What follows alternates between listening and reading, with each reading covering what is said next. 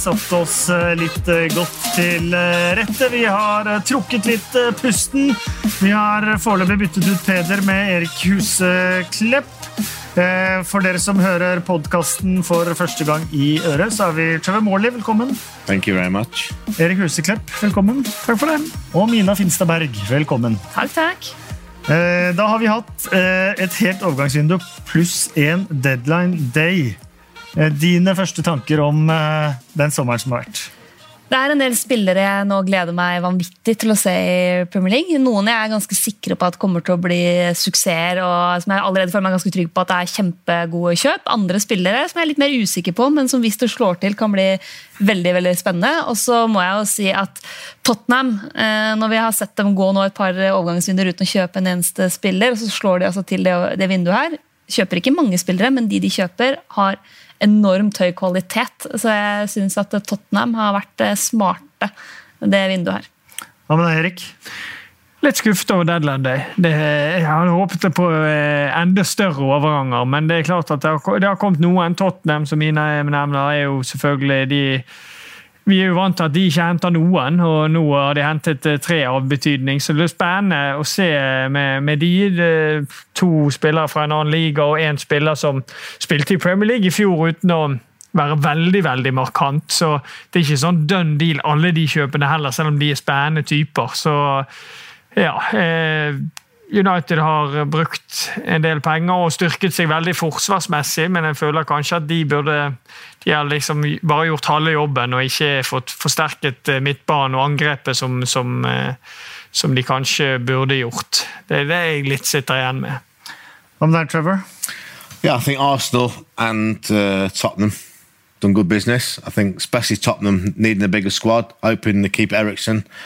Um, I think Liverpool, Manchester City, were so good last season, maybe didn't need to change that much, but City have made two big signings, so they're going to be even better.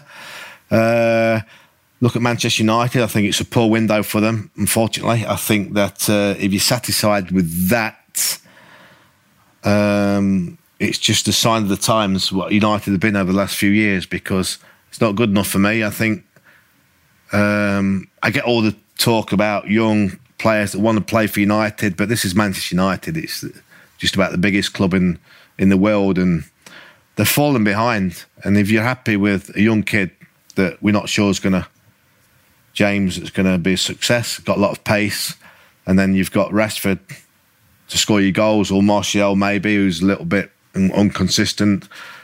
Yes, the defence that's the big thing that uh, they look like. I think Wan-Bissaka is going to be a, a big plus for them going forward and defensive. And I think Maguire's the right sort of type. They need a leader, and he's a good player. And uh, a lot of English players at the back there, which probably not a good thing, Eric. But but, but, yeah, midfield looks. Who's, who's your, where's your post goals? Where's your ball players?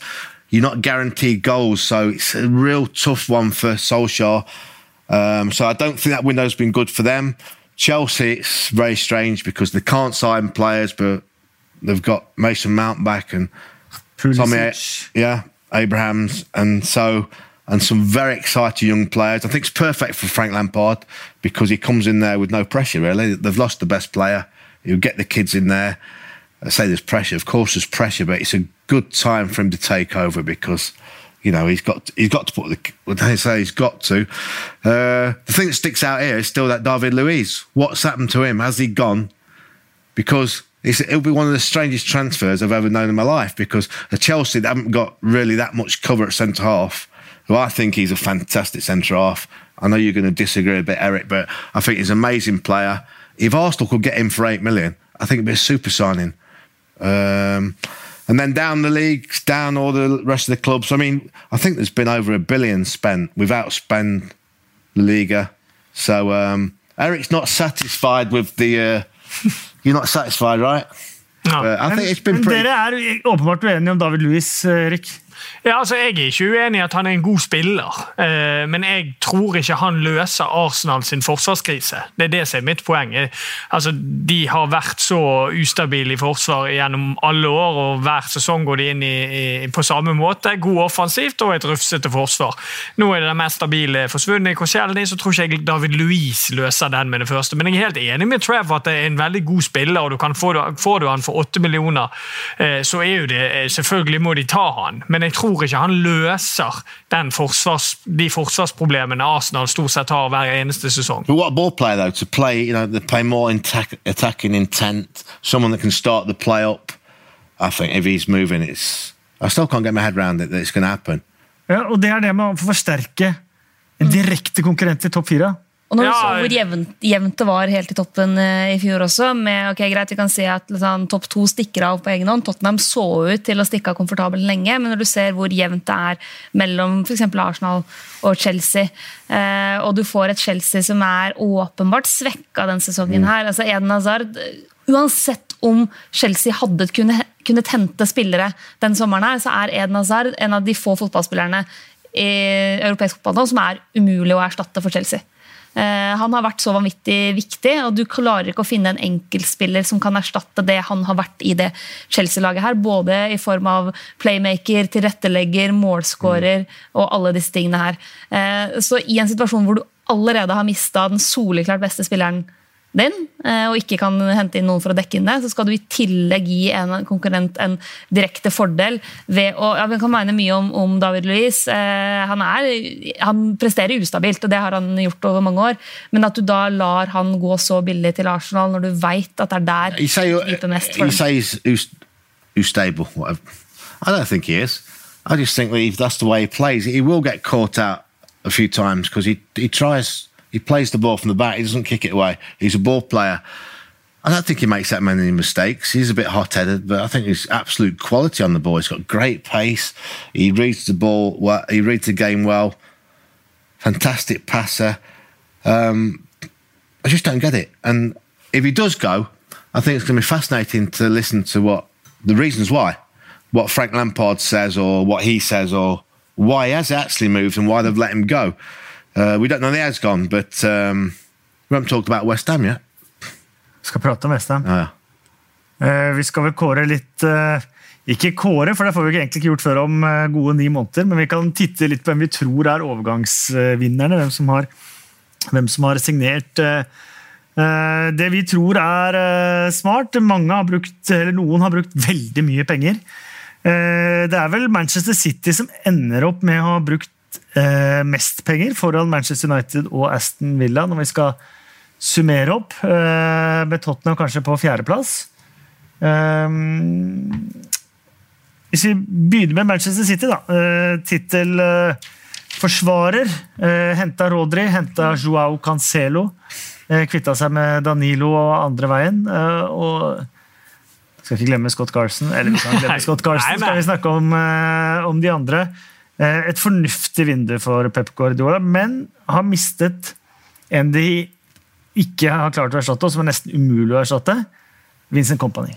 Ja, og det handler jo ikke først og fremst bare om spill, fotballspilleren ute på banen, Company, men den eh, figuren, den lederen han har vært i garderoben, eh, han har vært i klubben, selvfølgelig også på banen, eh, selv om han har jo ikke kunnet spille like mye de senere Han ble brukt året. hele veien da kampene ble viktige i våres. Og Det så vi også hvorfor. ikke sant? Altså Når det virkelig røyner på, så har Company vært en, en mann som Pep Guardiola og City alltid har kunnet stole på. Eh, han er vanskelig å erstatte, selv om jeg syns Laporte eh, hadde en veldig god sesong i fjor. Eh, så er det jo kanskje på stoppeplass det er størst spørsmålstegn rundt City nå.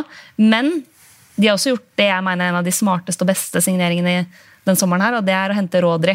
Eh, Som da, det snakka vi mye om i fjor, at akkurat på Fernandinho sin posisjon så har man ikke en direkte erstatter. Han er vanvittig viktig. Du kan bruke Gundogan der, men han gir deg noe helt annet enn det Fernandinho gjør.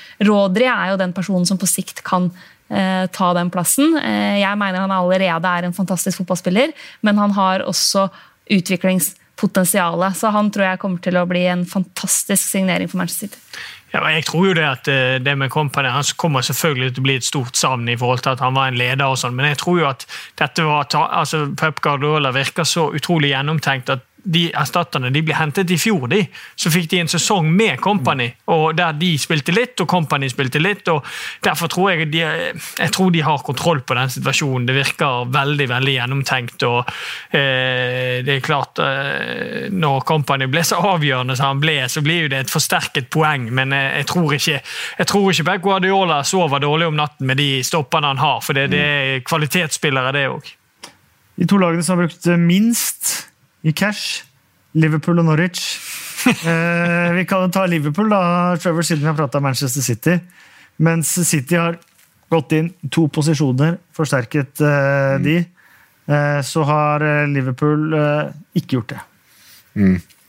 Yeah, a be bit interesting. I think, like Mina says, um, maybe the age of defensive midfield, get a younger player in there at City, and uh, just changing maybe a right back for a better player, slightly better quality. It's probably good business by Man City. Cancelo kan spille på venstre back. Yeah, but um, for Liverpool, I think it was interesting when Klopp got answered that question this morning, and he had to think for like t- twenty seconds before he could get an answer out. And I think basically what he's saying, they would have signed somebody if they could have found somebody good enough to come into that team or squad, but there was no reason for them to do it, and they weren't just going to sign for the sake of signing. And I get that because um, it's not easy to get cover.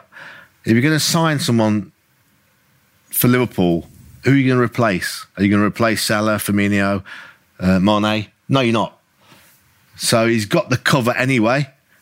Um, maybe look at the midfield players, but I just think Liverpool had a fantastic season, won the Champions League, fantastic in the Premier League. Didn't need to change it, didn't need to spend money. So if I was a Liverpool fan, I'd, I'd be quite happy not to, not to have uh, signed anybody. Men de er litt sårbare eh, i noen posisjoner hvis det skulle komme skader. Jeg er også helt enig i at det er ikke noe poeng å signere spillere bare for å, å signere noen. Eh, men, eh, men, sånn som f.eks.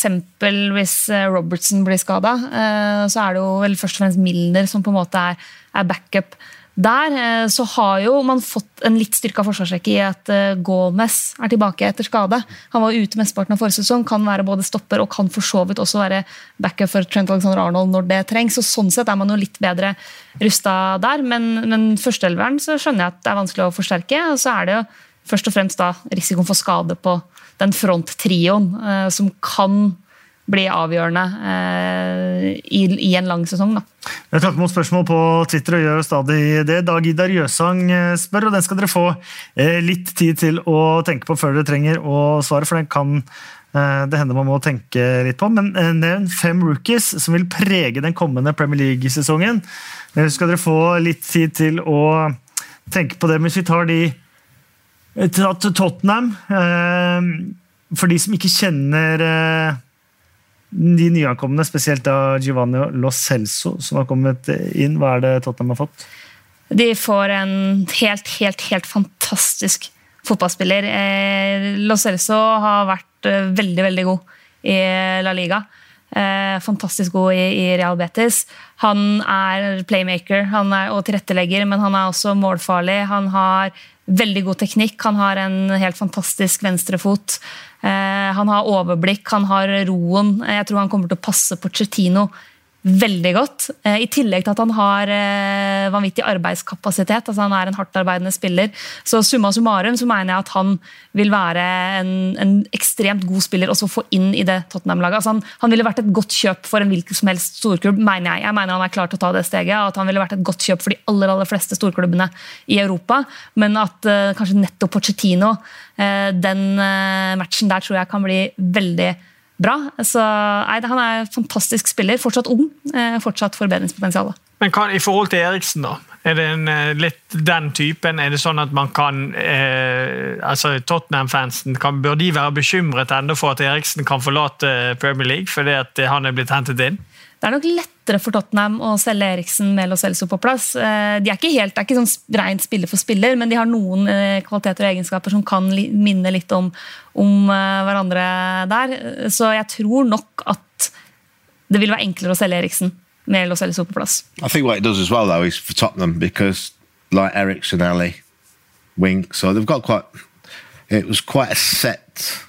team if it was fit. And now there's competition for places. And for example, Dele Ali didn't have his best season last season. Yeah, suddenly, suddenly now you're not in the team. You just got to raise your game a little bit. So I think that's a good thing for Tottenham that now they've got selection problems. It's a headache for the manager because quality like that, you say coming in, you expect them to be starting games. Who's going to drop out? And if everyone's fit at Tottenham, suddenly you've got a headache who you're going to play. So uh, that's a real positive thing for Tottenham because they haven't had that much of headache in the past because they've had a reasonably small squad for a top top club. Og så har de endelig fått seg eh, Ryan Cessignon. Det er en spiller de har ventet eh, eh, lenge på, og som de helt sikkert er fornøyde med å ha signert. De er jo fryktelig lei seg i Fullheim for å ha mistet sin egen kar, selv om de har skjønt at det kom til å, kom til å skje likevel etter hvert. Så han blir spennende å følge i, i Tottenham. Kan spille både venstre kant og venstre back. Så der har de god, eh, god koll. Men så er det de tre lagene av Manchester United, Chelsea, Arsenal som er tippa å kjempe om fjerdeplassen. Eh, hvem ligger best an der nå? Det er, vanskelig, det er veldig vanskelig.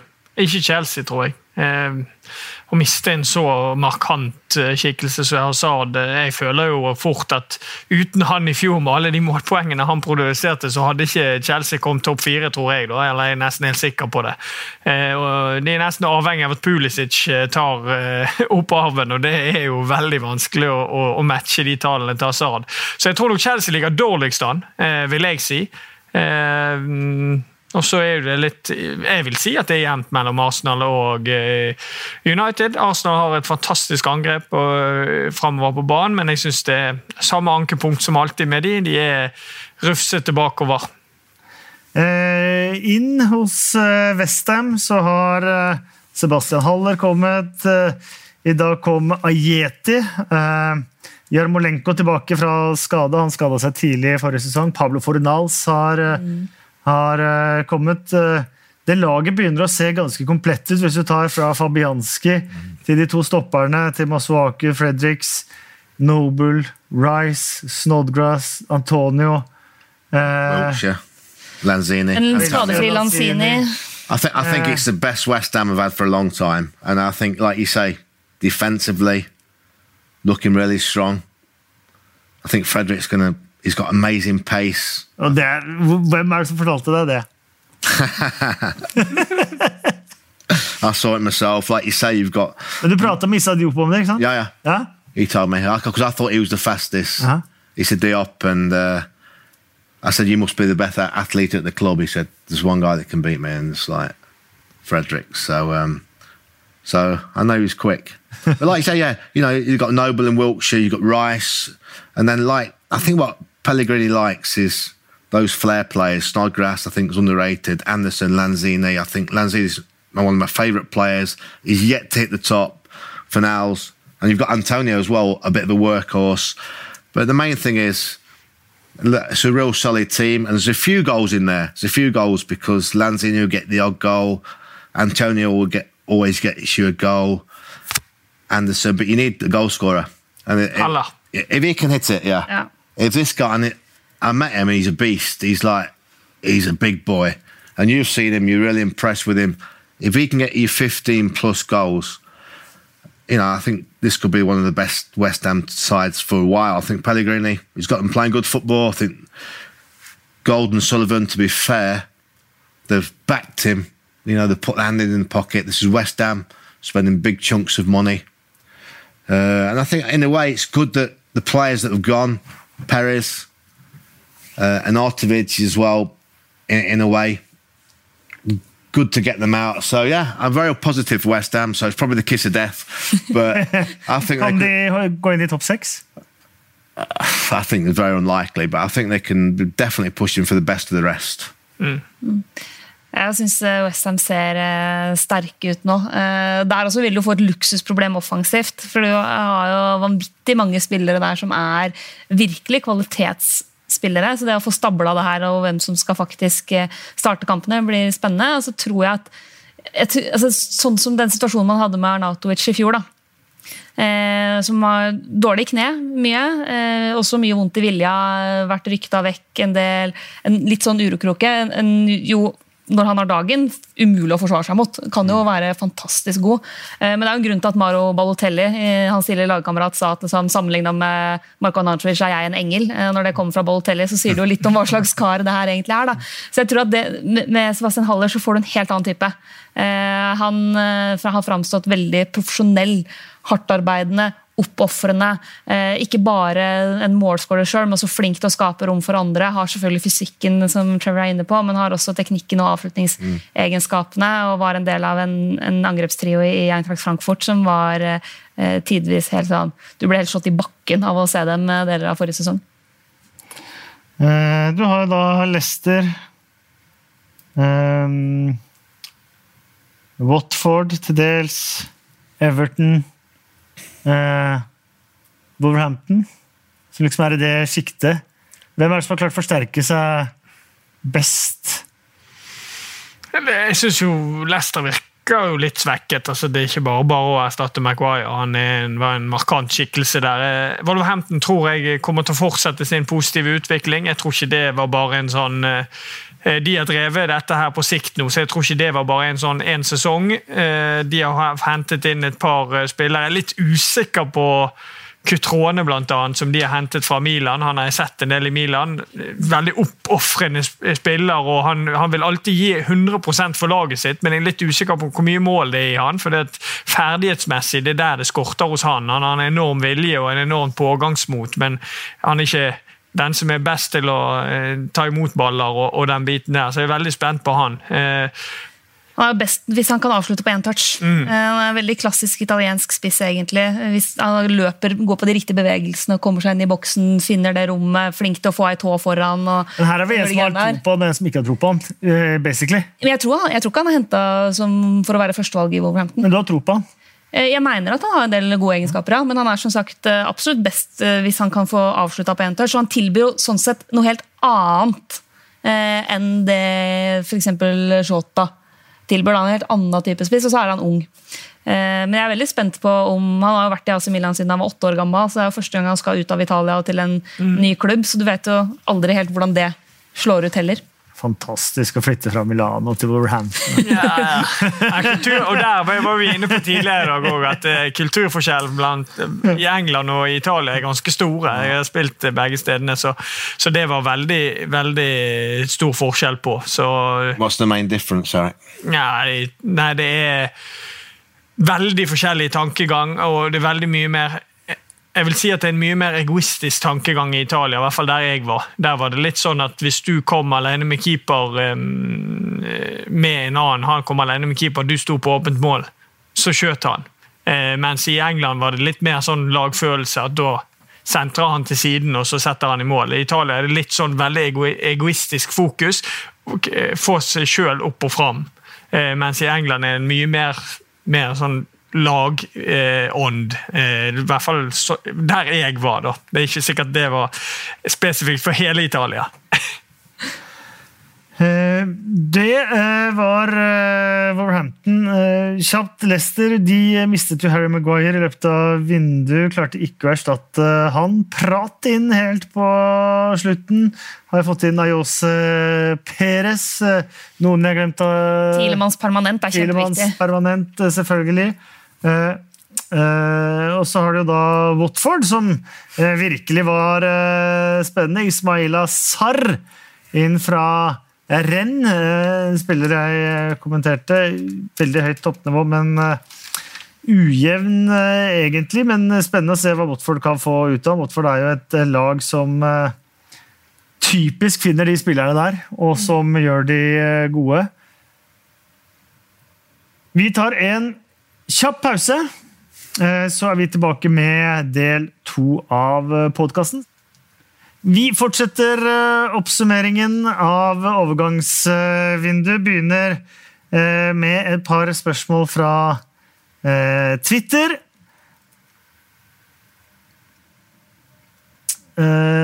Jakob JH Wang spør hvilket opprykkslag gjør det best i år? Eller denne sesongen? Good question. Yeah. almost impossible to answer as well because um, I read some facts that I think one in three goes down. I think only once is it all three times. Nei, have jeg tror to eller tre ganger. Three times have gone Yeah, down, yeah. and only w- once all three have stayed up. Then, Nei, tre ganger hvor de har holdt seg, tror jeg. yeah, and once all three have gone down, uh, which doesn't answer the question. So, I'm sceptical to all of them. Really, I think Villa have signed a lot of players that I'm not sure about. Um, yeah, it's a huge club, isn't it, Villa? And you got a feeling that Jeg tror de. Jeg tror Aston Villa. Gjør det best, ja. Ja, Ja. gjør det beste av de nye opprykklagene. I think De er litt dristige, med litt, for mange, litt mye kjøp, og sånn, men som vi var inne på tidligere, så er det mange, en del av de kjøpene Tre av de har vært på lån. Ja. To av de har spilt under Dean Smith andre steder. Og resten har vært naturlige hull å fylle. Ja, så det er ikke, det er ikke helt Fulham, tenker jeg. Nei, det er ikke jeg, jeg tror de klarer seg. Stor stadion, Villa Park, det er en stor klø- klubb. Eh, Nå har de 7000 på venteliste på sesongkort nå plutselig. Etter å ha spilt plut- eh, med glissende tribuner en stund der, hvor alt håp var ute i championship. Jeg tror entusiasmen og alt med Villa tilbake igjen, jeg, jeg tror de får en eh, ok sesong og holder plassen. Ja, jeg syns også det her er vanskelig. Eh, Jeg har jo egentlig lyst da, Kasper, til å si Norwich. Eh, Men det er Det er for min del. Men, nei, men altså, jeg syns jo mm, så Jeg syns Norwich har et par spillere som jeg gleder meg veldig til å se i Premier League. Mm. Uh, og det er, altså, jeg ser jo litt Championship også, men det er jo flere av de spillerne der som jeg syns er veldig veldig interessante. Uh, Sheffield United har kanskje litt mindre hvis vi skal kalle det glamour og X-faktor enn de to andre opprykkslagene, men var enormt solide defensivt i fjor. Eh, Vi har jo sett tidligere enkelte eh, nyopprykka lag som har klart seg ved å være vanvittig solide defensivt. Der var jo ikke Aston Villa og Norwich i nærheten eh, forrige sesong, så det kan jo klart være at en, en litt mer Selv om Sheffield United er jo ikke egentlig veldig defensive heller, men de har i hvert fall vært de som har vært Meget best. solide. Jeg tror de hadde en rekke på ni kamper uten å slippe inn mål i forrige Ja. sesong. De Who's that? slapp inn færrest. Sheffield Sheffield United. United. And they de play, Men play, Færrest i championship forrige sesong. play a 3 4 Yeah. 1 2 with overlapping centre half. So it's going to be quite a un- unique formation. I think a lot of it on Chris Wilder because uh, he's been successful at, I think, four of the five clubs he's done. But I mean, the small clubs, you're talking about Halifax, Northampton, Oxford. So it's quite a challenge for him. Look at the signings they've made, the, you know, Ravel Morrison and Ben Osborne from Forest. He's not good enough for the Premier League. So I think if they're going to stay up, it's going to be Chris Wilder that keeps them up with his formation or the way they play and the team spirit there. Uh, and Norwich, I'm, I'm, I'm, I'm really looking forward to watching Norwich because they were so good last season and so many good young players. And uh, like you say, they're playing the right way, possession, blah, blah, blah. So I hope for your sake because it'll be really exciting to see these kids, and they've got a lot of kids, and they all seem really happy at Norwich. Um, tough start for them. So uh, the answer to the question is, Aston Villa. I think Sheffield United will go down. and I think Norwich and Villa have got a chance to stay up. Eh, ja, for Jeg tror også Aston Villa er de som det, kommer til å gjøre det best. Nå går vi tilbake til Dag Idar Jøsangs eh, spørsmål, eh, som dere skulle få lov til å tenke litt på. Fem rookies dere har troa på i Premier League denne sesongen. Vil du begynne? Ja, Mount i Chelsea. Så hadde var med Lampard i fjor i Derby. Hadde en god sesong der. Det kan være spennende i og med at Chelsea blir kanskje tvingt litt til å bruke de unge spillerne. og Siden først er i Chelsea, så har jeg sett litt an eh, Tammy Abraham, og det jo, kan være spennende. De har ikke det i all verden til alternativ på topp. De har Giroud og det er litt sånn, Jeg tror at han får litt sjanser, eh, så han kan være en, eh, en luring. Og så har jeg to fra United, James og så Mason Greenwood. Ja. Det er to der som kan være spennende, og så ja, tar jeg med han eh, Trezeguet bare pga. navnet i Villa. Ah, det ser jo spennende ut òg. Ja, ja, ja. Jeg bare får skyte inn for, eh, på lista di som nummer fem. Eh, det er en mann jeg har hatt stor stor kjærlighet til i lang, lang tid. Det er Billy Sharp. Han har skåra altså så mye mål på så mange nivåer. Eh, han rykka opp med Southampton, der fikk han aldri muligheten før han ble skippa videre. Eh, er på sin tredje periode i Sheffield United, er Sheffield-gutt. Eh, og er kaptein. Og dette blir den gangen han faktisk får muligheten i Premier League. Så nå får han endelig vist om han kan skåre mål i Premier League òg. That's quite unique with Sheffield United because Chris Wilder's a he's a big fan. I think he's got a tattoo, isn't he? Ja, ja. Uh, and Billy Sharp, of course, is a massive fan as well. So the manager and captain and main goal scorer. Not sure Billy Sharp will play, but if he gets Han kaptein! yeah, it doesn't mean he'll play, does it? Nei.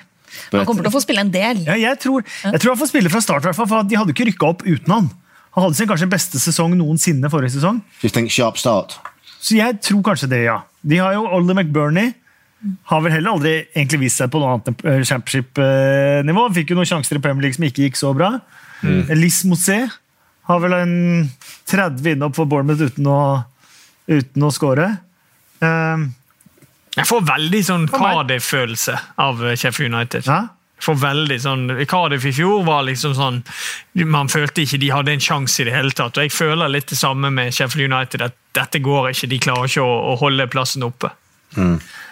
Men det er et eller annet med Sheffield United, både det Chris Wilder har gjort For han har brutt tyng tyngdeloven de siste fire sesongene, egentlig, både med Northampton og Sheffield United. Eh, Brammer Lane, fantastisk arena. Har du spilt der? Du har spilt der? Yeah. Eh, there when it was three sides. ja, nettopp. Da var det antageligvis mer kokt der nå når det er fire sider. Men eh, vet dere at det er verdens eldste fotballstadion, hvor det fortsatt spilles eh, profesjonell fotball? Yeah. Men der når det er fullt nå, entusiasme, Sheffield United tilbake eh, tenker at der blir det trøkk, altså. Ja. yeah, they've got something about it. One of those, it's going to be a hard place to go to, a little bit up north. Sheffield, maybe on a winter day. Um, and they'll need that. And I think, you know, that British spirit, and that's what it's going to be about for Sheffield United because quality wise, they don't look like they've got the strength at all to stay in this league. Um, Men det, hadde, det kunne man også si for eksempel om Brighton eh, Ja. tidligere. Jeg syns det er helt utrolig at Brighton har klart å holde seg. Nå må vi på lista Ja, først. ja, ja, skal jeg ta mine fem. fem? Eh, I dag Ida Røsang. Det er uh, unge spillere. Det- Det er kanskje de fem jeg er mest spent på, og som jeg veldig gleder meg til å se. Den ene er Shea Dems. eh, som var meget bra i Championship i fjor. Uh, Og inn i et litt artig Southampton-lag nå. Eh, Ekstrem avslutter, vet ja, eh, han, eh, han gleder jeg meg voldsomt til å følge. Han er veldig, veldig spent på. Eh, og så For de som fulgte med på Deadline Day-sendinga vi hadde tidligere i dag, så skjønte jo at jeg gleder meg veldig til å se Ismail Azar eh, i Watford fra, fra renn. Eh, enig med deg, Kasper, at han er uferdig, men potensialet er skyhøyt. Og når han har dagen, så er han altså, så morsom å se. Så han gleder jeg meg til og er spent på. Eh, Trossard har vi ikke snakka noe særlig om. Nei. Han har gått til Brighton. Eh, vært eh, veldig bra i Europaligaen, eh, vært veldig bra i Belgia. Om det kan funke i Brighton, er det umulig å vite, men det blir i hvert fall spennende å følge med på. Eh, og så er det vel også Nommelé vet jo at jeg er vanvittig god, men jeg gleder meg til å se han liksom, ordentlig i Premier League. Eh, for jeg sitter litt med en følelse av at det der kan være et kjøp som på mange måter definerer Tottenham for mange mange år framover. Eh, det jeg har sett han så langt, har vært veldig veldig bra. Han er et enormt stort eh, talent, så, så jeg gleder meg til å se han liksom få utfolde seg eh, i Premier League. Jeg tror det var fem. Ja. yeah. I have to pass on this one because I, Yeah. I misunderstood the question and my first answer was Andy Carroll. So, so I'll take three from Mina and, and two from Eric and put Og så kan vi sammen, eh, som ikke oppfyller kriteriene helt eh, det heller, så er det litt sånn eh, semivariant for oss, Ravel Morrison. Ja. Eh, en spiller ubestridt talent. Eh, Kasta bort eh, alle muligheter alltid. Alltid fått en ny kontrakt. Alltid noen som har sagt vet du hva, vi klarer det. Vi får noe ut av Red Morrison. Her er kontrakten din. Inntil nå måtte spille for Østersund og måtte være på to-tre ukers prøvespill i Sheffield United. Eh, første gang han egentlig har måttet jobbe for å få den muligheten. Har fått ett år, sikkert fått ekstremt klare krav eh, i kontrakten eh, og i avtalen han har med Sheffield United. Og han, kanskje han har blitt 26 år, har han ikke det? Han har skjønt nå at dette er siste muligheten. Neste gang så vil jeg ikke få kasta en kontrakt etter meg. Nå må jeg ta muligheten. Ja, Hva ja, tenker du om det, Erik? Ja, han må jo det. Ja, Han det hørtes litt spennende ut når jeg presenterte det sånn. ja, ja, ja. Hvis- de ikke er det tilbake til Østersund. Hvis ikke, dette, hvis ikke han oppfører seg nå og tar denne sjansen, så, så er det klart at uh, dette er siste sjansen hans i Premier League. Så får vi se om han får sjansen til å spille da i Sheffield United. Han, nå har han fått en kontrakt, men det er vel ikke gitt at han går rett inn på, på laget med det første heller. But you know yourself, it was the fact that he, he must have shown promise because you, you can't go into a Premier League squad and go on trial and be there for a couple of weeks, whatever. So he, must have shown something which is promising. I mean, I think I, I- looked, he's played about 80 games his whole career. And so, uh, a lot of those at lower level. I mean, that's 18, eight years, 80 games in eight years. So there's something missing with him. We know that. So, like I say, it's his last chance, and uh, I hope he takes it. It'd be, it'd be interesting to see. Jeg kommenterte Tottenham Westham da han slo Tottenham aleine som Westham-spiller. Fullstendig unplayable. Liksom. Det er potensialet han har, han har i seg. Eh, vi var så vidt innom Watford, eh, folkens, men vi må jo titte litt mer på, på Watford. De fikk beholdt eh, Ducoré. De har henta Danny Welbeck. Eh, en Sunderland-Watford-signering, if you ever had one. Eh, eh, Men eh, ja, det samme med Craig Dawson også. En nedre halvdel eh, proven eh, forsvarsspiller. En god forsvarsspiller. Eh, og så har de henta Ismaila Sarr. Og så har de jo i Dokorea 1, men de har jo eh, Pereira, Roberto Pereira, de har Deolofeo. De har mye artige glemme, og så må vi aldri glemme Troy Dini. Aldri glemmer Troy Dini, men uh, han er kanskje ikke en artig variant på den måten. Men tenk deg, da, hvis du skal ha sånn Delofeo på én kant og Sar på den andre kanten. Uh, det, går fort. Det, det, det går fort, og det kan være fryktelig slitsomt som forsvarsspiller, men det er jo begge spillere som er Når de, lyk, altså når de, når de først lykkes, så er det fantastisk. Uh, og så det, har du et par frustrerende øyeblikk i løpet av sesongen også. eh, med den type Ja, det har du, men Delofeo syns jeg var veldig god i fjor. Ja. Altså, det var det mest jevne jeg har sett av han eh, noensinne. Så hvis han fortsetter den utviklingen, så tror jeg det blir siste sesong i, i Watford før han er klar for en enda større klubb igjen. I think the thing is when he when he plays out wide, he, he whips the ball in so good, but in that ten role as well, he's amazing running at people and getting in behind. His little his all round play is fantastic. But I wouldn't laugh at Danny Welbeck neither. I don't know why he's laughing because he's an English guy and he's I think it's a thing. Han er It's a sju mål i sesongen-angriper. it's a good signing. beste. He wo- works hard for the team, get your goal, good pace. I don't know what you're laughing at there. I think Right. it's a good signing. Ok. Hør på det der. You'd take him at Norwich. Hæ? Norwich would take him. Her i dag? For de som ikke ser på, men hører, så rister jeg på hodet. Så du ville ikke hatt han i Norwich nå? Ikke per nå. Hadde ikke vært i nærheten. Ikke i Norwich? Nei. What, Norwich bedre enn Watford, da?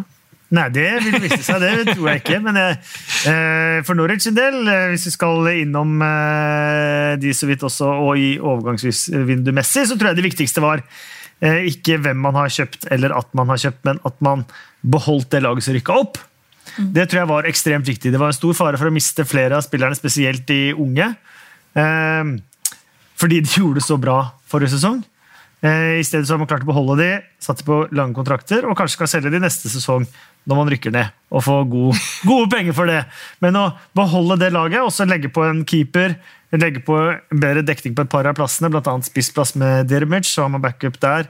Patrick Roberts øh, inn, spennende. Han er ny fra Sevilla, spennende. Eh, Men det er rett og slett for bredden. Men det å beholde laget som rykka opp, det tror jeg var hele hemmeligheten og det de ønsket å gjøre i, i sommer. Jeg har jo etter hvert lært at jeg skal jo stole på det når når det kommer til unggutter der. fordi eh, James, Du sa det jo om James Madison i fjor, da han gikk til Leicester. Eh, sa jo det at det her kommer bli, Han kommer til å gå rett inn i Premier League og dominere og være kjempegod, og det gjorde han. Det de har gjort i sommer, som jeg har glemt litt, de har kjøpt masse sånne og henta mange unggutter. Og styrka akademilaget, U23-laget, eh, U19-laget. eh, Og virkelig hatt en kjemperunde der, med bl.a. han ene fra Arsenal, han eh, store talentet fra ungdomsavdelinga der, for å få opp flere. Det er som sportsdirektøren i Norwich sier, man må vanne røttene, ikke blomstene. Det er fint sagt. Av overganger i eh, dag. Vi har jo eh, dette sjiktet her nå. eh, nå har vi tatt de til tiendeplass og sånt nå. Men så har du Southampton, du har Bournemouth. For de som hørte på tabelltipsepisoden med som kom, så, så, så var jeg kanskje i hardeste laget mot Bournemouth, fordi Harry Wilson inn. Eh, Philip Billing inn på midtbanen. Lloyd Kelly, som hadde kjempesesong for Bristol City. Eller ikke kjempesesong, men en god sesong for Bristol City. Ung, spennende. Det ser kanskje litt spennende ut der allikevel. Og så har du beholdt Callum Wilson. Du har beholdt Ryan Frazier, eh, for så vidt også Joshua King. Altså, du har jo beholdt de her eh, offensive spillerne som var, okay. van, van, ja, som var vanvittig gode i fjor. Da. Så Det tenker jeg også er viktig for Bournemouth sin del, at de faktisk har klart å holde på. For det var masse rykter om både Wilson og Frazier spesielt eh, etter den eh, fantastiske sesongen de hadde i fjor. Ja, og så er de, de er så innspilt, eh, Bournemouth. Jeg var, jeg var faktisk en, eh, jeg, når jeg skulle tippe i fjor, så tippet jeg Bournemouth ned. For jeg tenkte på et eller annet tidspunkt vil det stoppe opp for dem. Men de er, de er så innspilt. De har jo, utrolig flink på med hele laget ved, drar i samme retning hele tiden. De har beholdt eh, noe, de beste spillerne sine, og de har fått inn et par spennende. Så jeg, jeg tror ikke det blir noen sånn umiddelbare nedrykksfare for Bournemouth i år heller. Eh, Jeg tror de, de, de klarer seg fint. og det, det er jo et vanskelig sted å komme for, for de lagene. Chelsea i fjor fikk jo juling. Flere som har fått juling. eh, Det er helt utrolig. I think Men Billing's sa a good sign. I think Billing- ta 11 000, altså. I think Billing was the best player last last season at Huddersfield. I think that's a good signing. Like you say, keeping those two players important. And they'd probably have to go together anyway, wouldn't they, if there was a transfer. but, but a goalkeeper is a goalkeeper. Nettopp, og der har du et problem. Eh, både Boruc og Begovic var dårlige forrige sesong. det førte til That the young kid that came in, Eh. can remember his debut? Ja, eh, Da holdt han nullen, og så slapp han inn fem eller seks i kampen etter. He was brilliant Draper, var det greit? Mm. Ja. Den som virkelig kommer til å bli en god keeper, der, det er Aaron Ramsdale. Han hadde en fantastisk sesong for Wimbledon forrige sesong. Eh, Det er nok for tidlig i Premier League, men jeg tror han har alle verktøy som skal til for å bli en god keeper. Men keeperplassen kjempe, kjempeakilleshæl for eh, Bournemouth den kommende sesongen. Andreas Skaien spør forventninger til eh, Joshua King. Forventer at han eh, fortsetter sånn som han har gjort. I hvert fall, ja. Mellom 10 og 15. Ikke mer, tror jeg. Jeg vet at han har veldig troen sjøl på over 15, men kanskje. Han tar jo straffene. Og hvis det kommer flere straffer eh, med innføring av VAR, Ja, så er jo det et element der. da. Han har jo Vi kan si 15. Like, we can't. It irritates me that we can't. When we do goal scorers, it's twenty, and in brackets eight penalties because it, it's a it's a free goal almost. So goal scorers are goal scorers. I think we've got VAR, te- everything, but it just says semi goals, semi goals. They should tell you how many penalties because it, it's not a real goal; it's a free goal. Uh, Joshua King, I don't. Th- I think he's a bit luckier now because with Callum Wilson there, I don't think his game's always been about goals. I don't think he's he's a better ten or assist or running at people. I don't think you want him to be number nine, and he, he did have a good season a couple of years ago, but a lot of penalties. So I don't think we should judge him on his goals. He'll get you a few goals, but I think he's a better player when he's got somebody else like Callum Wilson. I think was outstanding. En del av de grå hårene dine de har kommet fordi at eh, du har sett tilbake på din egen karriere og angra på at du ikke selv tok straffer i Yeah, no, yeah, yeah. I'm very bitter about that. I mean, the funny thing was that um, at Northampton Town we had the guy, the left footer, Billy Gilbert, scored, and then at Manchester City, can't remember who took them, but then, of course Julian Dix took penalties at West Ham. And actually, when he was injured, I remember Harry Redknapp saying he wants penalties, and the dressing room was like, no one. So I was like, and it's not, I'll be honest, it's not a nice thing because I remember the first time at West Ham, and it wasn't a big one, I think it was nil nil against Coventry or something. I, you know, your heart's going. He, he- and, and I whipped it in, scored, and I took three and scored all three. Uh, one against Tottenham at White Hart Lane, which, yeah, so, um, and then my last club, Reading, who wants penalties? Me. And I, and I think I scored 40 goals in 80 games. So that's my best, you know, one in two. It's really good. I think I had 12, 13 penalties. You know what I'm saying? So that's the difference it make. And, you know, look at Frank, Frank Lampard's record. I don't know how many penalties he's got, but a lot. But I scored 170 goals in 500 games. It's one in three. Would have been 230.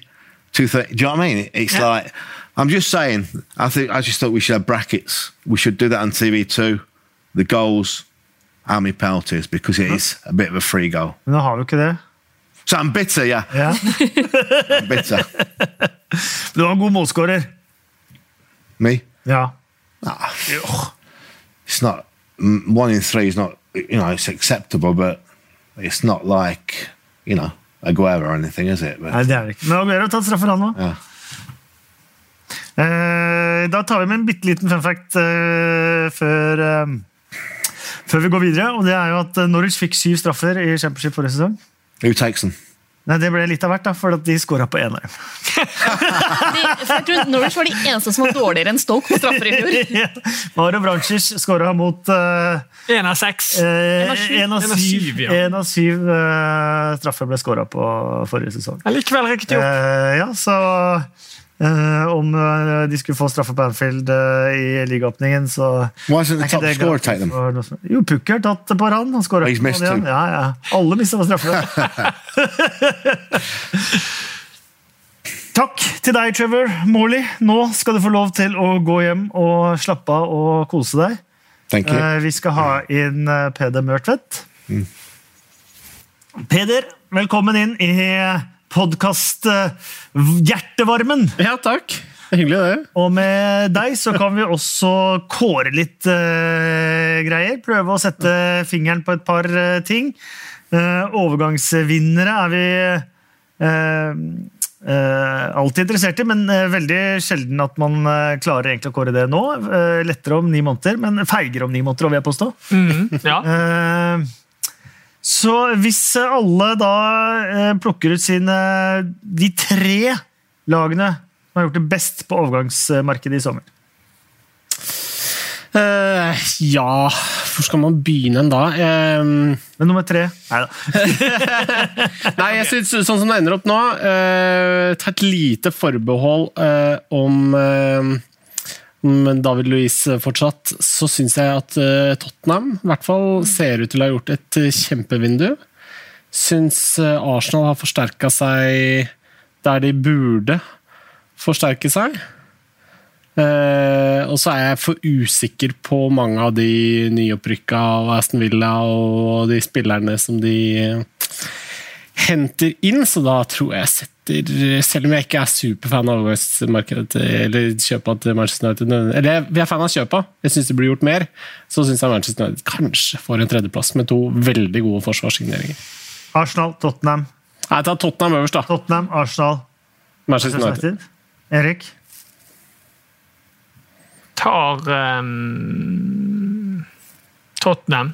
De får førsteplassen. De har gjort tre veldig veldig spennende signeringer. Eh, Det er jo ikke gitt at de- slår til, men likevel det er spillere som mest sannsynlig slår til, kanskje. Og, så de vinner den.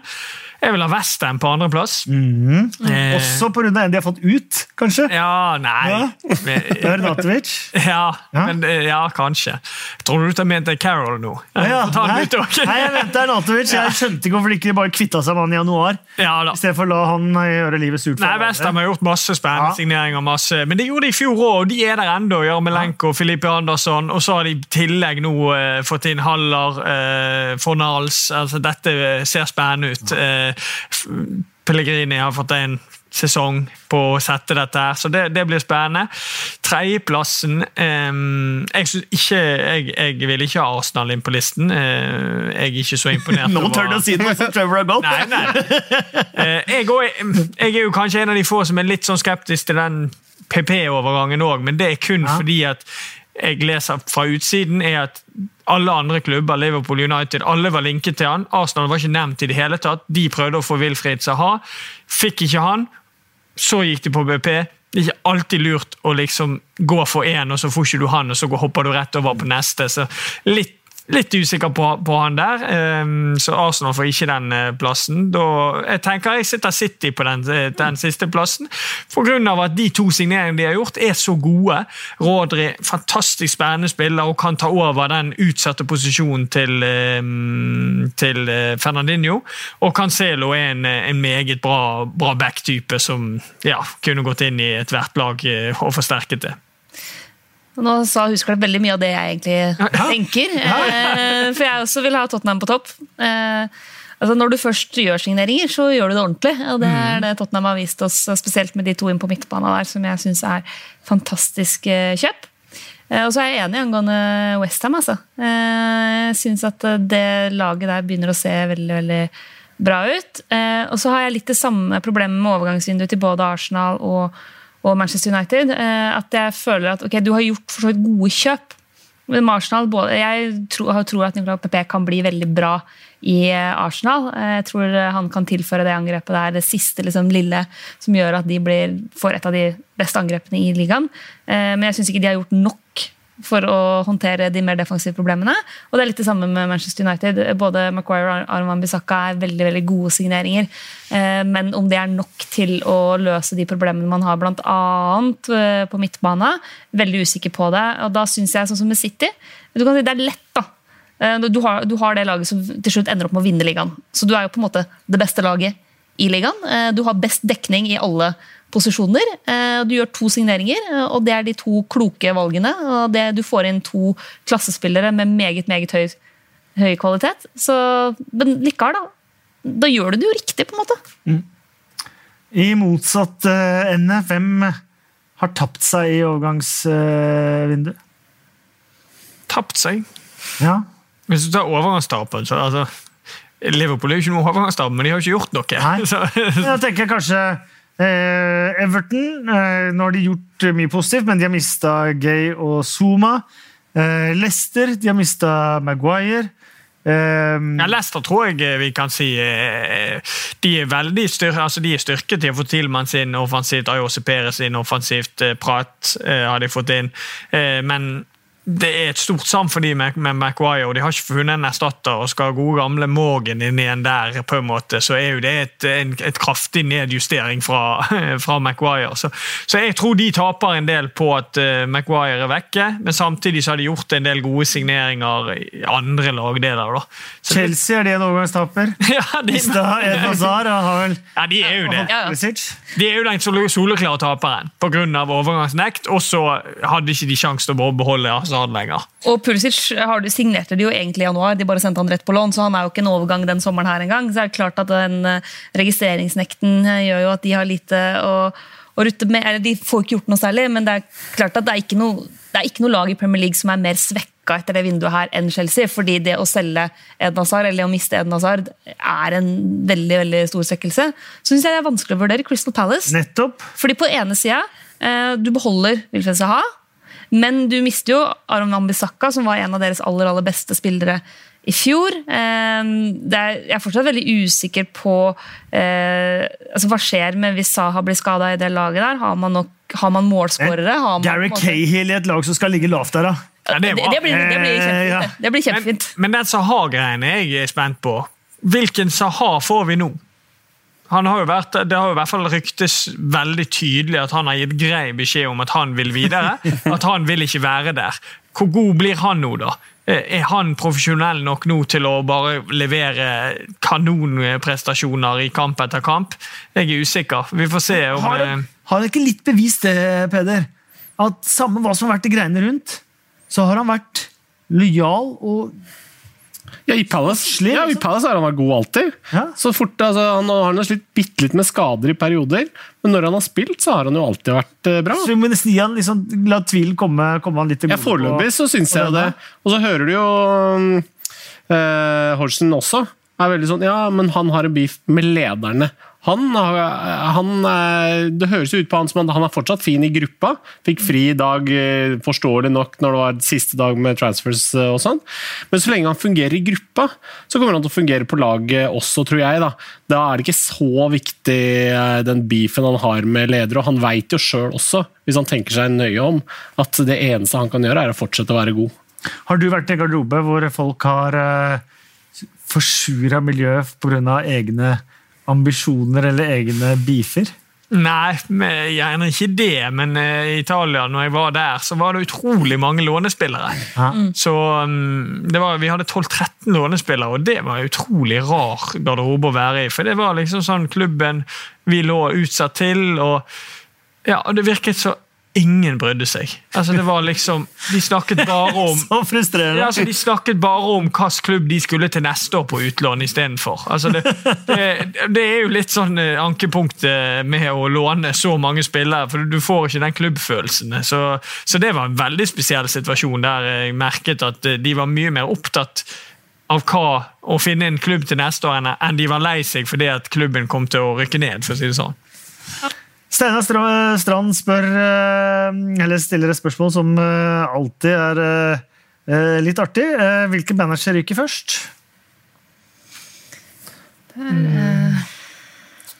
Steve Bruce. Skal vi Eh, ja, men det er en prestisjegreie for meg. Cash, Ja, ja, ja. Kan Steve Bruce, og bare dra igjen. Han varer til over 90 år, i hvert fall. cash sparke sikkert. Nei, men eh, jeg husker Et av mine første Premier League-minner eh, på arbeidssida var at jeg var med på 100-timerssendinga i fjor. Siden jeg tross alt bare har vært i dette gamet her i ett år. Eh, Og Da satt jo alle og sa Shavi Gracia. Så da tenker jeg at jeg bare kan videreføre den arven og tenke at i år så må han må jo ryke snart. Har vi Gracia? Jeg satt på 100-timerssendingen i fjor, og det var ganske flaut. Og plutselig tenkte jeg Hvem var det som tok over etter Havi Gracia? Og så ble jeg sittende og bare hmm, Dette var merkelig at jeg ikke skal huske manageren til Watford nå. Og så rett inn på Wikipedia og sjekke hvem er som er manager i Hæ! Havi Gracia fikk ikke sparken! Og det er jo første gang Watford ikke har sparka De har jo manageren sin. skifta, skifta manager med frekvens av norsk smart, justisminister egentlig Ja. i, i Watford der, men Ja. nå plutselig så er det en som sitter. Ja. Jeg tenker litt på Potter òg. Potter er ryker fort. det er sant. Brighton. Ja. Det, Der har Huten gjort en, en god jobb, holdt eh, Brighton oppe hele veien. eh, Så fant de ut at det var ikke det ville ikke de fortsette med, og så skal de ha noe nytt. og Da er det litt sånn typisk at eh, det var ikke så be, mye bedre med en annen manager enn den de har hatt, som faktisk har gjort en veldig god jobb der. da. Jeg er enig med der, altså. Engelsk fotballs mest eh, undervurderte eh, menn, spør du meg. Eh, Den jobben han har gjort i flere klubber. Birmingham, Newcastle, Norwich. Jeg, Meget, meget bra. Jeg har jo hatt han òg, så jeg kjenner jo han Jeg har hatt han i et halvt år, så han er en utrolig utrolig bra fyr. da. Han er en utrolig bra manager som, som virkelig bryr seg om spillerne sine. Så har du klart et Aston Villa med Dean Smith som er Når de kjøper så mye spillere, selv om det er mange som på en måte er Smith har masse ekstra kapital, at han er lokal og det ja, det er sant, det. det er sant det. Men samtidig så er det, det er veldig typisk nyoppbrukerlag, og i hvert fall hvis du har brukt mye penger, som vi så litt med Fulham i fjor, at da begynner desperasjonen å melde seg hvis de ikke får en god start. Hvis de får en god start, så kommer de til å surfe på det. mest sannsynlig. Hvis ikke, så Og så må det jo sies da at man har jo Lampard og Solskjær. Som, altså, ok, Solskjær har, har en halv sesong Solskjær inn. jo, men, Ja, ok, ja. men Solskjær har en halv sesong eh, bak seg. Fryktelig god start. Dabba voldsomt på tampen av sesongen. Si. Der i et, eh, et overgangsvindu som er litt sånn, ja, du får retta opp i noen åpenbare problemområder, men fortsatt litt sånn, ok, kanskje Pogba forsvinner, hva foregår her egentlig? Eh, og så har du jo Lampard som aldri har prøvd seg på det nivået før. Eh, Men Lampard, der var, det noen, der var det noen signaler om at så lenge han ikke rykker ned satt den trygt liksom, ja, første men, men sesongen. spørsmålet er jo også hvor eh, Chelsea er jo en klubb som ofte har vært litt utålmodige eh, med managerne sine. Det må det være lov å si. Men forskjellen på Solskjær og Lampard er Solskjær er legende, ja. Mm. Lampard er Chelsea-historiens største spiller. Eh, Solskjær er jo kanskje ikke topp 30 engang, Manchester United-spiller gjennom eh, historien. Lampard, Lampard kommer til å være like populær uansett hvordan de gjør det. Ja, man får håpe det for Chelsea-supporterne sin del. Og jeg håper jo også at Chelsea klarer å, å se at ok, nå er vi i en omstillingsfase, og også pga. den registreringsnekten. Vi er nødt til å la noen av de yngre spillerne våre få sjansen. og jeg tenker at Det må også være derfor man faktisk har valgt å hente- Lampard, som har, kjenner flere av de spillerne her fra før. som er, Det er noe av hans prosjekt, er å nettopp bygge på de litt yngre spillerne fra eget akademi. og Da må man jo tro at Chelsea har gått inn i det her med åpne øyne og visst akkurat hva det er de nå har satsa på. Eh, Men det sa jeg også da de henta Sarri. at det er sånn Man veit hva man får når man henter Sarri på godt og vondt. og her Vi får anta at Chelsea har gjort leksa si, så det er vanskelig å vite. Ja, altså, jeg, jeg, jeg tenker jo kanskje at Chelsea er litt innstilt på at det kan bli en sesong utenfor topp fire i år. Eh, Jeg føler de bør være innstilt på det med, med de utfordringene de har med overgangsnekten og Hazard ut og Lampard inn som fersk manager. Så, så kan jo det være at, de har, at dette er planen. Nå skal han få en, en, en sesong på å komme inn i dette, og så er det virkelig testen for han neste år igjen. da. Eh, Det er jo mulig. Men det er allikevel når man går i den sesongen her og tenker at det er overraskende mange av managerne som sitter ganske trygt. Allikevel fra starten av. Mange er ganske Enig. nye, men eh, de, de lagene som sikter oppover på tabellen, da, Brendan Rodgers i Leicester, han kommer til å bli Nuno Santo i Wolverhampton kommer jo også til å være der. Marco Silva i Everton, samme greiene. Dette er byggeprosjekter alle sammen. som Det, er veldig, det føles i hvert fall veldig lite sannsynlig at de skal bare kaste alt eh, om de taper fem-seks kamper på rad. Det er flere engelske managere det har vært på lang lang tid. Og det er veldig mange av de managerne som enten har vokst opp som supporter av laget, eller har spilt for klubben på et eller annet eh, tidspunkt. Ja, men nå, de du nevnte, jeg er helt enig i alle utenom Marco Silva i Everton. Jeg tror ikke han sitter så trygt. Eh, De har brukt mye penger. De brukte mye penger for, i fjor sommer, de bruker mye penger nå igjen. Eh, Det var deler av sesongen i fjor, uten den våren de hadde nå i fjor, så hadde han sittet veldig utrygt nå. Og, og når du først har sittet utrygt én gang, som han gjorde før de kom i gang i våren, så, så kommer du veldig fort tilbake igjen i, i den utrygge sonen. Så hvis de får en dårlig start nå, så er han en som kan ryke. Eh, Ola Åsmul spør topp fem keepere i eh, Premier League nå. Ja. Ja. Eh, De to på topp er vi jo kanskje altså Hvis vi tenker form akkurat nå ja, eller Nei. Pure Class.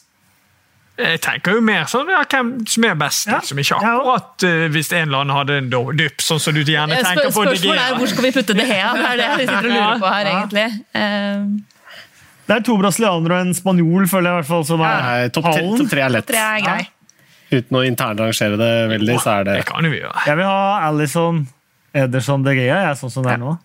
jeg, jeg, jeg, jeg kan, Det er nesten sånn at jeg har lyst til å ta Ederson øverst. Jeg òg. Selv om eh, Alison nok er en bedre skuddstopper, da, så syns jeg Ederson han er den keeperen som gir meg mest når jeg sitter og ser på han spille fotball. For Han er så ekstremt uredd med ball.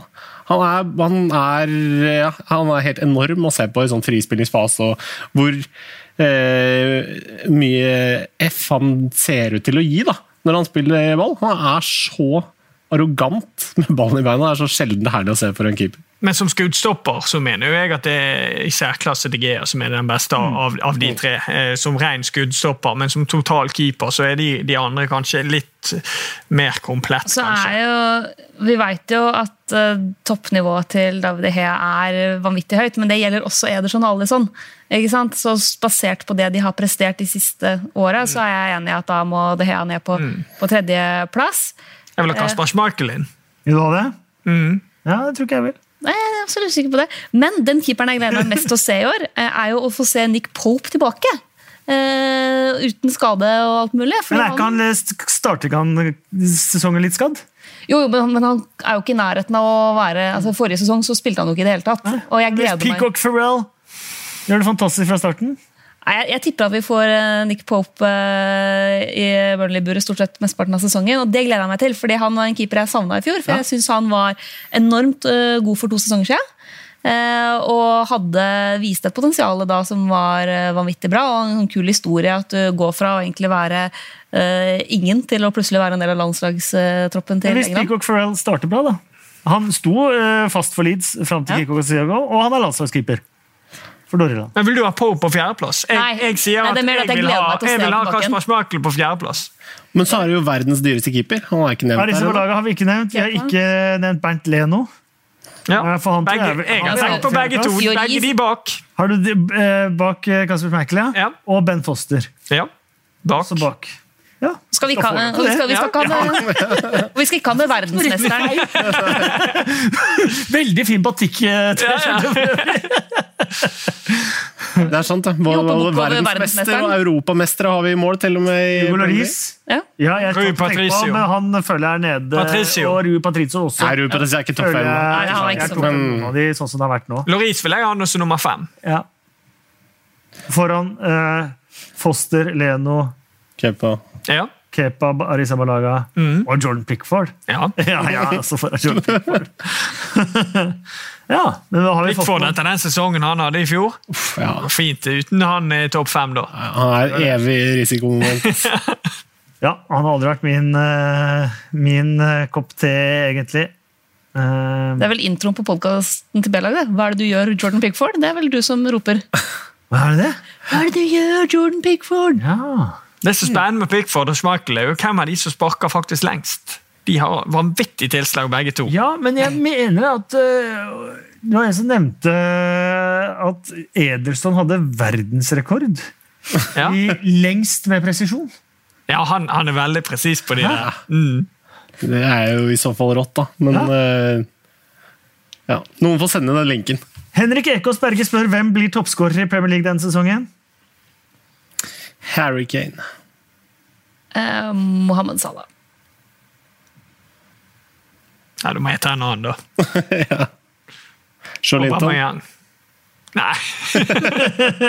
Aubameyang han har jo en helt vill statistikk på, i Arsenal, så hvis han fortsetter den, så, så er han i hvert fall der oppe.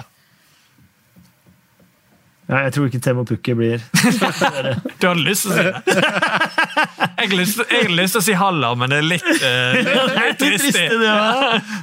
Jeg skal ikke si Moise Keane, selv om jeg har kjempetroa på han. Så han sier jo sjøl at målet hans er å skåre sju mål. Da sier jeg, da sier jeg Billy Sharp. Da kunne du heller sagt, heller sagt Pukk. Nei, Billy Sharp hadde vært enda bedre enn uh, Pukki, faktisk. Ehm, da eh, skal vi eh, kanskje bare oppsummere litt, da. Eh, Vi har ikke vært innom Newcastle. vi har vært eh, litt lite innom Newcastle. Vi har fått spørsmål på Twitter innom Newcastle, så da kan vi egentlig avslutte med, med Newcastle. fordi at Fantastisk spennende. Eh, sånn som det ser ut nå eh, Jetro Williams, Williams på bekken var jo regnet til enormt stort sett, har jo stagnert litt og sånn, men har jo fortsatt denne farta si. Eh, Maxim bare hatt en Benarfa hadde flere vellykkede driblinger i ligaen forrige sesong. Bråkebøtte, da. Ja, men du må respektere en fyr som spiller med Gucci-pannebånd. Selv om jeg så Mike Ashley hadde fått på en sånn Schlesinger-pannebånd fra Sports Direct, visstnok. Men eh, det er klart, det er stil, da. Og fire spisser plutselig for et lag som ikke hadde spisser. Eh, Muto, Dwight eh, Gale, Joe Linton og Andy Carroll. Men Muto var jo der i fjor òg. Ja, Ja, men det er jo kanskje fire spiss. De ville jo kanskje heller ha Trondon de og Jose Perez. Jeg tror de aller helst nesten vil ha Andy Carroll. Tenk så fantastisk med Andy Carroll tilbake. Ja, Men det jeg er usikker på om Newcastle er Benitez gjorde dette til et lag som var utrolig vanskelig å spille mot. Han, han spilte med fem bak og, og gjorde det til et utrolig vanskelig sted å komme til. Vanskelig å bryte de ned. De tapte nesten ingen kamper eh, med mer enn ett mål. Det var veldig mange ettmålstap, eh, og eh, fikk mye poeng på det. Jeg tror ikke Steve Bruce kommer til å ha samme inngang, så, og det reddet de mye i fjor. At de var så solide og var så vanskelig å spille mot. Nå, de, nå skal de plutselig spille på en helt annen måte igjen, regner jeg med, i og med at Steve Bruce kommer inn. Um, Folk litt spille hvordan de vil, da. Jo, det er det jeg mener. Og det kan slå ut litt eh, overalt. Og de har hentet spillet han Maxim. Vært mye trøbbel med i Frankrike, sånn utenom fotballen. Du har hentet Joe Linton, som er et utprøvd kort i Premier League. Han koster veldig mye i penger. Ja, mm, Men Andy Carroll, mye skadet. Firmino. Skal Ja. ligne litt også på Rondoni-type. Ja, vi, det, det, altså, Newcastle jeg er spent på, altså. Så skal de boikotte match, eh, visstnok også. så det er snakk om at det bare kommer 30 000-40 000 på ligaåpningen mot Arsenal. Jeg Det ender seg er med Andy. Carroll. Ja, ja, jeg håper det er eh, feil, selv om jeg kan godt forstå det. og Man må jo på en måte ta et standpunkt hvis man vil ha endring òg. Ashley? Hæ? Ashley? Ja. Ja, de er ikke bortskjemt med eier, akkurat eh, Newcastle-fansen. Altså. Men det er, det er litt den følelsen jeg får nå, at det er noen som, eh, som sminker seg litt ekstra akkurat for øyeblikket, bare for å prøve å få fansen sin gunst igjen. Jeg tror han gir fullstendig beng i hva fansen uh, mener. Er ikke Steve Bruce.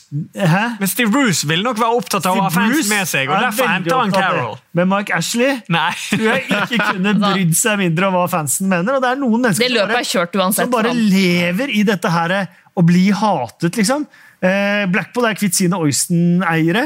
Det er jo fantastisk, men de var jo sånn. Eh, de rakk jo bare fingeren til lokalsamfunnet hele veien.